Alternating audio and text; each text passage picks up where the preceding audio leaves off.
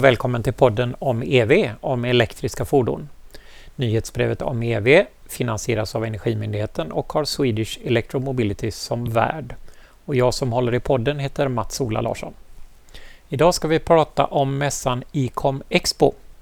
Eh, några av er som lyssnar har säkert varit på mässan E-car Expo som eh, har rullat några år. Samma arrangör har nu en mässa även för tunga fordon och det är den vi ska ta en liten titt på idag.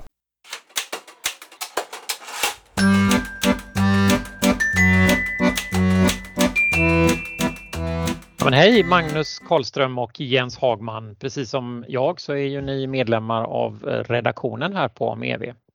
Och eh, nu har ju ni varit på en konferens i eh, Stockholm i två dagar och det är det vi ska prata lite om i, denna, i detta avsnittet av vår podd.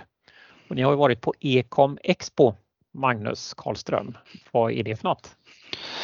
Ecom Expo är ju en mässa som var i Stockholm förra veckan, 6-7 april och den handlar ju om kommersiella elfordon och det är både en utställningsdel, de olika aktörer eh, visar sina laddinfrastruktur och fordon och så, men så har det också varit en seminariedel i två dagar där man har pratat om frågeställningarna runt att öka takten och att eh, få igång mer försäljning och användning av kommersiella elfordon i Sverige. Har, har du någon känsla av hur, var det mycket folk eller var Ja, det var 1300 totalt som var de här två dagarna som var, besökte själva konferensen eller mässan. Då. Och det är väl ganska bra. Sen kan man väl också ta med det här att det var två ministrar som medverkade i seminarieprogrammet. Infrastruktursministern var där själv och energiministern var med via digital länk då för att diskutera den här frågeställningen. Så det, det är ett politiskt tryck runt vad som man egentligen, ja det är en viktig fråga just nu i Sverige helt enkelt hur vi förbereder oss för en mycket större skala av kommersiella elfordon. Sen, sen, var det ju det är mycket, det var ju åkerier och myndigheter och folk som säljer laddinfrastruktur och fordon och universitet. Det var en väldigt blandad eh, mix av människor också. Kanske inte lika många nyfikna medborgare som i Car Expo. Nej, det är en skillnad absolut. Så är det. Ja. Var det någon publikdel? Fick man lov att komma dit som intresserad medborgare? Eller? Det fick man ju absolut, men, det, men det är ju, man får ju betala för att komma in då. Men, men det är ju inte så att det var en mm, bara för branschen om man säger. Nej. Uh, Jens, du gick runt lite där på utställningsgolvet. Vad, vad fick man se bland montrarna? Man kunde klämma och känna på en massa olika fordon. Så det var allt från en, en tung Scania-lastbil till de här lite mindre och lätta lastbilarna upp till 3,5 ton, kanske framför allt sådana. Och sen väldigt mycket laddinfrastrukturslösningar, både mjukvara och, och hårdvara. Hur var det med saker relaterade till eh, vätgas och bränsleceller eller var det bara batterielektriska? Ja, jag får nog skicka den till dig Magnus. Såg du någon bränslecellsbil? Det såg inte. Nej, jag såg ingenting runt det och inte i seminarieprogrammet tror jag inte det var något om vätgas heller faktiskt. Det var lite implicit i diskussionerna kunde det dyka upp. Ja, ja det ibland dök upp faktiskt. Det är riktigt. Ja, det var lite om, eh, det var lite om arrangemanget och så, men det var ju seminarieprogrammen som, eh, som ni la mest tid på. Eh, Magnus, tyckte du du såg någon tyngdpunkt kring några särskilda ämnen? Absolut, det var det. Det var ju mycket diskussion om eh, tillgängligheten av el då för att ladda både det här och bygga ut laddinfrastruktur på strategiska platser eh, i publik då, men även på depåer var det en diskussion om och sen var det ju att få fram den typen av effekt då, som behövs för kommersiella elfordon och hur man kan ja, både tekniskt komma framåt men också policymässigt och även delvis hur man jobbar med mm, nya typer av regelverk också kanske för att lösa de här problematiken och få fram tillräckligt mycket effekt. Så, så det tycker jag var den dominerande aspekten, helt klart. Vad fick du för känsla av eh, vad som är på gång där då, om vi säger policymässigt som var en av de grejerna du nämnde? Det är ju mycket frågeställningar som redan på olika sätt diskuteras i den svenska diskussionen. Ja, det finns elektrifieringsstrategin är ju släppt, den här regeringsledda strategin som har tagit fram och många av de sakerna som behövs håller man ju på att arbeta med. Men det är ju exempelvis eh, kortare tillståndsprocesser. Det är kanske nya regelverk som möjliggör nya typer av marknadsekonomiska lösningar som fleximarknader och nya kontraktsvarianter. Det kan ju också vara direkt mellan aktörer, men det är ju ofta elnätsbolagen är ju ganska starkt reglerade så det är ju ofta vad de får rätt att göra också. Så så är det ju kopplat till policy vad var det mer om, om, om liksom policy? En sak som kommer upp ofta är ju den här elnätsregleringen. Det är ju på något sätt att nu får alla som lyssnar, jag ber om ursäkt redan, jag jobbar inte riktigt med elnät alltid, så att, men jag uppfattar det som de skriver fyraåriga på något sätt eh, principer hur man reglerar elnäten från eh, mellan regeringen och elnätsbolagen och i de typen av skrifter så, så en sak som ofta kommer upp då det är att inte elnätsbolagen kan bygga de får bara bygga på direkt beställning av någon aktör som vill ha, ha effekt. Då. Och att man vill komma lite mer mot prognosbaserad eh, tankemodell, att man faktiskt kan räkna. Det är nog troligt att det kommer komma ett stort effektbehov i det här området på grund av att terminaler ligger där eller det är troligt att lastbilar hamnar där och att man får bygga elnät lite i förtid på en prognos Så att det är något som eh, diskuteras mycket då. Och att elnätsregleringen är en del som man, man kan styra där, att det är mer lätt att köra prognosbaserat. Men sen var det även från policy var det också en lösning för att hantera att man inte har tillräckligt mycket effekt är ju kanske att man använder energilager som kan ge effekt och tillfälligt och då är det också lite regelverket runt om man måste dubbelskatta både när man producerar el och när man levererar el från ellagret ut till någon typ av tjänst. Så det var uppe några gånger också. Vem som ska äga det också när det kommer till Ja, vem som ska äga det också. Elnätsbolagen får inte äga idag va? Nej, de får ju inte sådär och det, och det är ju att de kan ja, det argumentet är ju att de kan vara, alltså de har ju monopolsituation på elnätet och att de kan påverka marknaden om de skulle ha kapacitet. Men, men ja, vem ska äga det är en jättebra fråga. Sen var det väl, du och jag satt och reflekterade lite efteråt det här kring att det var så stort fokus kring elnät och laddning. Eh, man får nästan känslan att fordonen är nästan klara. Att det är inget problem. Men vad säger du Magnus som har jobbat med frågan lite mer? Det är ju det som eh, fordonstillverkarna var ju på scen och sa att de har ju produktplaner och att de tror att det kommer bli väldigt konkurrenskraftigt snart och i många nischer. Så att, men det de är oroliga för är ju att inte elnät och laddinfrastruktur ska finnas på plats då när deras produkter kommer ut på marknaden. Så det är ju på något sätt argumentet är ju lite den här laddinfrastruktur, elnät är något vi måste jobba lite i förtid och fordonen kommer komma.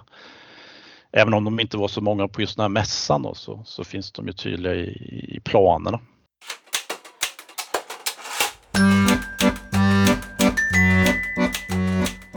Vilka aktörer eh, var på scen då? Eh, ja, men det var allt från Power Circle eh, till några forskare var med också, branschorganisationen. Mm. Bil Sweden som numera heter Mobility Sweden var ju med på flera seminarier. Um, det var ju en del också att man frågade åkerier på olika sätt och vis hur de ser på hur de tänker framåt och hur de planerar för att komma vidare med att uh, köpa el uh, nyttofordon. Då. Så de berättar, en del berättar om sina erfarenheter av att ha kört ellastbilar på olika nivåer, både lätta och tunga. Så det var en viss erfarenhetsöverföring från scenen till eh, lyssnarna. Det där tycker jag är intressant eh, för, för åkerierna, alltså de som, som köper fordonen och sen, sen har ett flöde med fordon som ska laddas och användas på olika sätt. Tidigare, eller med dieselvarianterna, så är ju det här med möjligheten att tanka en icke-fråga på något vis. Det löser sig. Men här är det ju, här är det ju, de måste ju ta en ny roll eller ha med sig någon ytterligare aktör som kan vara fastighetsägaren eller nätägaren eller en kombination av det. Mm. Det är ju väldigt intressant att se vilken roll de kommer att ta här eller om de så att säga om det här levereras av någon annan. Jag lyssnade ju på en när det var två åkerier som berättade om sina erfarenheter. Jag vet inte om det var den du refererade till Magnus också. Då var det lite mer mot tunga fordon, distributionslastbilar och uppåt. Um, men de nämnde inte det så mycket utan det var nog mer att de hade fått lösa depåladdning själv mm. i det fallet. Eh, men de var ju också eniga om att den, största, den stora frågan nu är laddinfrastruktur och att det måste finnas publik laddinfrastruktur för, för de här lastbilarna om de ska kunna skala upp. Men jag hörde ingenting om något samarbete där. Fick ni någon känsla av vilken, vilken eller vilka kommer att bli de kommersiella aktörerna som så att säga bär den här tjänsten ut till kunderna? Eh, det är svårt att tänka sig att det är åkerierna själva som driver detta utan man tänker ju att det är någon form av laddtjänstaktör som blir den som bär tjänsterna, som börjar prata med åkerierna och nätägarna och där. Finns det, finns det en sån eh, bransch som växer? Fick ni någon känsla av det? delvis så pratar de väl lite, är det Traton, Daimler och Volvo Trucks har ju ett, ett de, nytt JV, eller hur? Ja, så är det absolut. Det är väl inte gått igenom Konkurrensverket på EU-nivån va? Om jag, nu var det lite, men, men det är ju tanken att de gemensamt ska bygga ut publik laddinfrastruktur på Europanivå. Men det är ju en jätteintressant fråga Mats Ola. Jag vet inte eh, den frågeställningen och den kommer vi antagligen skriva om i nyhetsbrev. Men jag har lite svårt att göra den här skarpa tolkningen av att det är liksom tydligt. Däremot är en Alltså det är ju sådana som OKQ8 ställer ju ut, Vattenfall är där. Så att det är många aktörer som är liksom inne och diskuterar det här, så är det absolut. Sen får vi se vart det hamnar. Min tolkning är att samverkans, samverkansfrågan känns tydligare när det kommer till kommersiella sidan än det är på privata ja, sidan. Det som är diskussionen lite med de kommersiella är ju att det kan gå väldigt fort, eller relativt fort ändå. Jag vet inte om ni såg det, men det var ju att um, lätta elbilar ligger ju ändå på, var det 10 nu i mars va? 2022 i marknadsandel. Det är ganska snabb tillväxt. Alltså. Vi skrev ju ett brev om detta lastbilar för några månader sedan, Magnus. Kommer du ihåg det? Ja, just det. Skrev det 10% Det är så man sätter redaktionschefen Nej, men Det skulle vara intressant att se vad det är, vilka typer av lastbilar det är. För I det brevet ja. så såg vi att det var de här små lastbilarna, lite mer mm.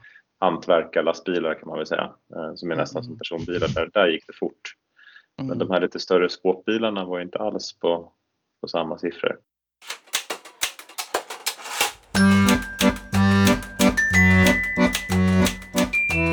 Det är ju eh, ett eh, regelverk på gång i EU 55% paketet eller Fit for 55 som det ofta kallas även i Sverige. Mm. Och där finns det ju då förslag på laddinfrastruktur, krav både gas och eh, snabbladdning för tunga fordon. Så, eh, verkar det som att det är viktigt för de aktörer som ni råkade lyssna på åtminstone? Ja, jo, men det var det ju absolut. Det var ju uppe på scenen ibland där runt AFE-direktivet, absolut. Och en av de stora event, när eh, vad heter det, infrastruktursministern var där, då var det ju mest publik och så. Då presenterade ju elektrifieringskommissionen en kartläggning av vart laddningsbehovet kan tänkas uppkomma då med tunga ellastbilar i publika platser och om elnätet har bra kapacitet där och det har ju Volvo, Scania, Ion och Vattenfall gjort ihop inom ramen för elektrifieringskommissionen. Så att, och den är ju kopplad lite till frågan runt AFI då, för det är ju lite var, var ska de ligga och hur många behövs och så. Nu får jag spela lite dum här, men är det här AFI-direktivet, är det där det ska vara var sjätte mil genomsnitt ja, på de Europavägarna? Men gäller ja, det även för tunga fordon då? Ja, absolut.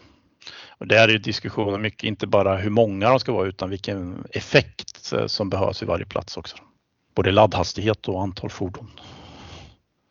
Och det var väl en, i ett seminarium i alla fall så riktade man väl lite kritik kring det här. Att det, det borde vara baserat på trafikflöden. Det är klart Precis. att det är höga trafikflöden så kanske man behöver tätare men om motsatsen så pratar om det. Eh, Nej, det kom ju upp. Nej precis, i ett nyhetsbrev vi skrev förra veckan så var ju den, den rapporten som kom upp där. ICCT har gjort en, eh, att man tycker att de ska separera mellan olika länder och beroende på vilket flöde av fordon det är egentligen mycket kraven, stora kraven ska vara på både antal vätgastankstationer och laddstationer publikt för tunga fordon. Och Sverige då som är väldigt mycket mycket vägar men inte så mycket flöde. Skulle, våra krav skulle minska ifall man skulle gå på ICCT. Så det var ju uppe lite absolut eh, på några. Det har det också. Och sen var det åtminstone ett seminarium som pratade lite om standard, va? laddstandard för mm. när det kommer till högre hastigheter, megawattladdning. Precis, det är ju det här att det, det inte kommer... finns någon standard ja. ännu. Nej, det är ju 2024.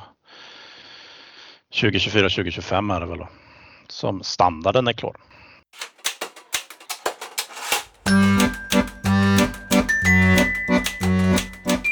Andra perspektivet, så om man tänker transportköpare och miljökrav. Eh, under lång tid så har forskning som bland annat Chalmers och kollegor på IVL där jag arbetar normalt sett eh, visa, de har följt transportköparnas ambitioner. Och det visar sig att miljökrav spelar en väldigt begränsad roll när man tecknar avtal om transporttjänster. Mm. Och att det där visserligen ökat lite grann men inte särskilt mycket under, under lång tid. Um, det, så det är intressant, det ni pratar om nu det är ju teknik och, och transportörer men, mm. men efterfrågansperspektivet, var det med någon, någonstans där att man Absolut. Det var flera seminariepunkter om upphandlingsfrågan var det. Eh, så att jag lyssnar tyvärr inte på någon av dem så jag har lite svårt att referera dem. Däremot, jag hörde en, eh, då, två gånger hörde jag samma sak från olika i andra seminarier. Det var det här, det är en sak att ställa kraven liksom på att man kanske vill ha elfordon. Men det finns en ganska tydlig eh, möjlighet att som transportköpare kan du göra ganska mycket nytta för övergången till elfordon om du bara är lite flexibel med tidsfönstret. Så att det inte bara är en fråga om att sätta liksom, jag vill ha det här fordonet utan också att man, för det finns ju aspekter med ladd, eh, laddning och kanske Ja, det finns poänger kunna ha lite större tidsfönster helt enkelt. Och som upphandlare att det är viktigt att du förstår det som transportköpare också att om du vill uh, gynna övergången till elfordon så kanske det är sånt du ska jobba med också. Jag lyssnar ju också på, på din fråga där Mats-Ola, de här de två åkerierna och de var ju inne på investeringskostnaden, att den var alldeles för hög fortfarande. Nej, det var därför jag tog upp detta, att den här aspekten, egentligen så borde det ju vara så att det händer inte så mycket förrän transportköparna ställer de krav eller, eller villkorar på det sätt som gör att det faktiskt går att få in speciellt inledningsfasen när det är en begränsad mm. flotta och det, det kräver nya eh, anpassningar. Men att den frågan kommer att öka, transportköparna behöver lära sig vilken mm. typ av krav man kan ställa, vilka anpassningar det är och hur mycket extra det här kostar och varför. Eh, och utan den betalningsviljan så kommer det inte den här snabba omställningen att ske, även om det tekniskt sett är möjligt på något mm. vis. För det är en väldigt prispressad bransch. Det är det absolut. Mm. Men det var en hel del transportköpare på plats var det så jag tror det är en um, läromiljö för dem också att höra de här diskussionerna så att det blir lagom kravställning. Det var någonting mer som de pratade om som jag tyckte var intressant. Det var, nu kommer jag låna eller sno från P.O. Arnes pratade jag med från Einride så att det är han som sa det så att eh, man får hänvisa till källan. Men det är ju att Sverige kanske mer har varit i en förvaltningsroll både på transporter och på energisystemet, alltså statens olika institut, institutioner har liksom byggt på lite mer status quo. Det har ju hänt en del liksom, men det är mer ganska klara spelregler och förväntningar och så. Och nu är ju, skakar ju hela systemet om om de här statliga institutionerna då på kan bli mer innovativa för att klara den här omställningen med både regelverk och hur de styrs och allt sådär. Så man lämnar liksom förvaltningsdelen av staten och går över till en mer skaka om till det nya. Den tycker jag är intressant. Inte för att jag vet hur man gör det, men det är någon annan som ska göra det. Åtminstone samma för alla länder. Alla skakas för dem nu i EU. Ja, precis. Sverige. Man undrar om Sverige kan vara extra duktiga på att göra det här snabbt det man gick runt tyckte jag, en liten reflektion i alla fall, slutreflektion från min sida är väl kanske det här att det var ju första mässan liksom. Och jag, kom, jag kommer ihåg när jag var på första Ecor Expo ute i Lindholmen liksom. Det var också lite så här branschfolk och inte så mycket kunder och de kunderna som var där var ganska, ja de var ju liksom lite ytterkanten av vad man skulle kunna som bilkund liksom, i början. Eh, och det här Ecom Expo är nu då i samma skede lite som Ecar Expo för 5-6 år sedan. Så man blir ju nyfiken vad som, hur Ecom Expo ser ut om fem år. Liksom, mm. Hur stort kommer det vara? Eh, med de orden, Magnus Karlström, tack för att du var med och eh, Jens Hagman, tack för att du var med. Och jag som har pratat med er heter Mats-Ola Larsson. Och det här är en podd från Om EV som finansieras av Energimyndigheten Eh, värd är Swedish Electromobility Center.